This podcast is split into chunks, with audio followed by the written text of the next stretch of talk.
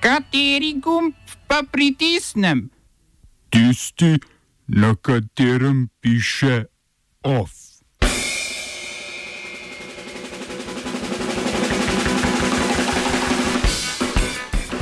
Likut uložil predlog zakona o aneksaciji novih palestinskih ozemelj. Največja indijska opozicijska stranka delovcem migrantom ponudila brezplačen prevoz domov. Ministrstvo za zdravje deloma razdrlo pogodbo z Geneplanetom. V kulturnih novicah, kako bo potekalo odpiranje muzejev in galerij. Pozdravljeni v današnjem OFU. Stranka Likud izraelskega premijeja Benjamina Netanjahuja je po dogovoru o oblikovanju velike koalicije izpolnila obljubo in uložila predlog zakona, ki predvideva aneksacijo več palestinskih ozemelj. Predlog je bil podan na podlagi mirovne scheme, ki jo je predsednik Združenih držav Amerike Donald Trump v Beli hiši predstavil januarja letos. Ta je bila pripravljena tako rekoč izključno v sodelovanju z eno stranjo in je bila tako zavrnjena strani palestinskih oblasti. Predlog zakona, ki ga je prvo podpisana Maj Golan parlamentu predala v nedeljo, poziva k uvedbi suverenosti Izraela nad palestinskimi območji doline reke Jordan, severnega dela Mrtvega morja in nad delom okupiranega Zahodnega brega.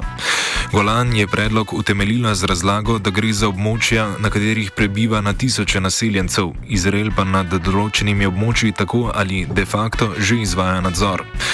Ni treba ponavljati, da je to vrsten predlog v nasprotju z mednarodnim pravom in resolucijami Združenih narodov.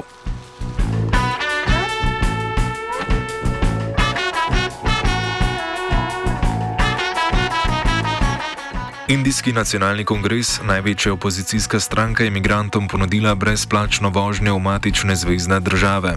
Milijoni delavcev v Indiji so namreč ostali brez dela, potem ko je država 25. marca z namenom preprečevanja širitve novega koronavirusa odredila karanteno.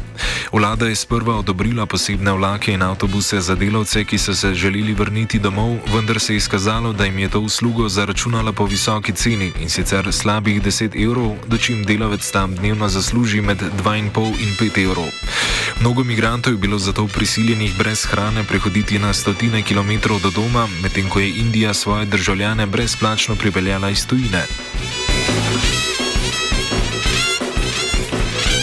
Ostajamo v Indiji, kjer so uradniki v zvezdni državi Delhi po ponedeljkovem drinjenju v trgovinah z opojnimi pijačami naložili 70-odstotni koronski davek na alkohol.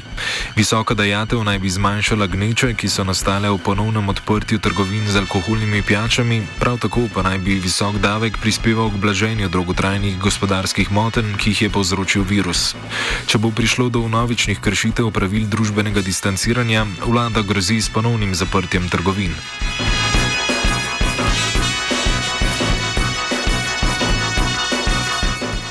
Srpski predsednik Aleksandar Vučić in premijejka Ana Brnabič eh, sta dorekla nov datum parlamentarnih volitev, ki naj bi po starem potekale 26. aprila.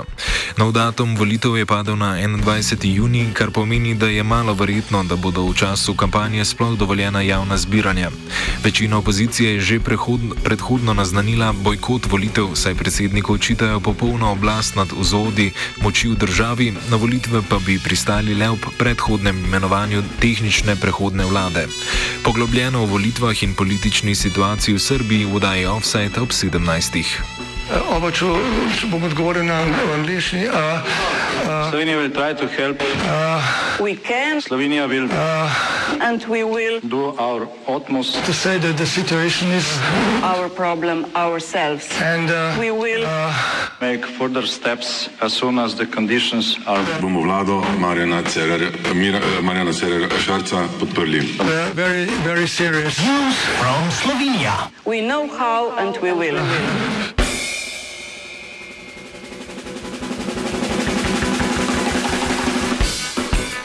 Po predlogu vladne strokovne skupine in s pristankom dobavitelja so se na Ministrstvu za zdravje po aferi z dobavo manj primernih ventilatorjev za bolnike z novim koronavirusom odločili, da delno razdrejajo pogodbo z družbo Gene Planet. Tako bodo državne bolnišnice 90 respiratorjev, strokovno ventilatorjev Sirius Med R30, ki jih je dobavila družba Gene Planet, obdržali, 20 ventilatorjev, ki so trenutno še v skladišču Roje, pa bo država vrnila Gene Planet planetu. Pogodba za ostalih 110 še nedobavljenih golfov bo prekinjena. Za 90 dobavljenih ventilatorjev bo potrebno dokupiti še vlažilce zraka z dvojno gretimi cevmi, kar naj bi državo stalo še okoli 1500 evrov na kos. Znanstvena redakcija sporoča. Po medijih je završala novica o uspešnosti zdravila Remdesivir podjetja Gilead pri zdravljenju bolezni COVID-19, ki jo je razglasil direktor Ameriškega nacionalnega inštituta za alergije in infekcijske bolezni Anthony Fauci. V študiji so opazovali potek bolezni COVID-19 pri več tisoč pacijentih, ki so jih razdelili v dve skupini. Ena skupina je med zdravljenjem prejemala zdravilo Remdesivir, druga kontrolna skupina pa placebo. Rezultati naj bi kazali na hitrejše ukrivanje pacijentov, ki so prejemali remdesivir, a niso uspeli zanesljivo potrditi razlike v smrtnosti med skupinama. Rezultati, ki jih je z javnostjo delil Fauci, so, če ravno spodbudni, le en del celotne in še, kar je pomembno, nerecenzirane in neobjavljene študije. Ta teden so bili denimo v reviji The Lancet objavljeni rezultati podobne, sicer manjše študije učinka zdravila remdesivir, v kateri kitajski znanstveniki in znanstvenici Bolnice ugotavljajo, da zdravilo Remdesivir ne kaže znatnih pozitivnih učinkov v primerjavi s kontrolno skupino. Takšen neprestranski strokoven pregled je še posebej pomemben pri študijah učinkovitosti zdravilnih učinkovin, saj za njimi navadno stojijo farmacevtski velikani z nenasitnimi kapitalskimi interesi. Ovsta s pomočjo znanstvene redakcije pripravili vajenka Magdalena in Aida.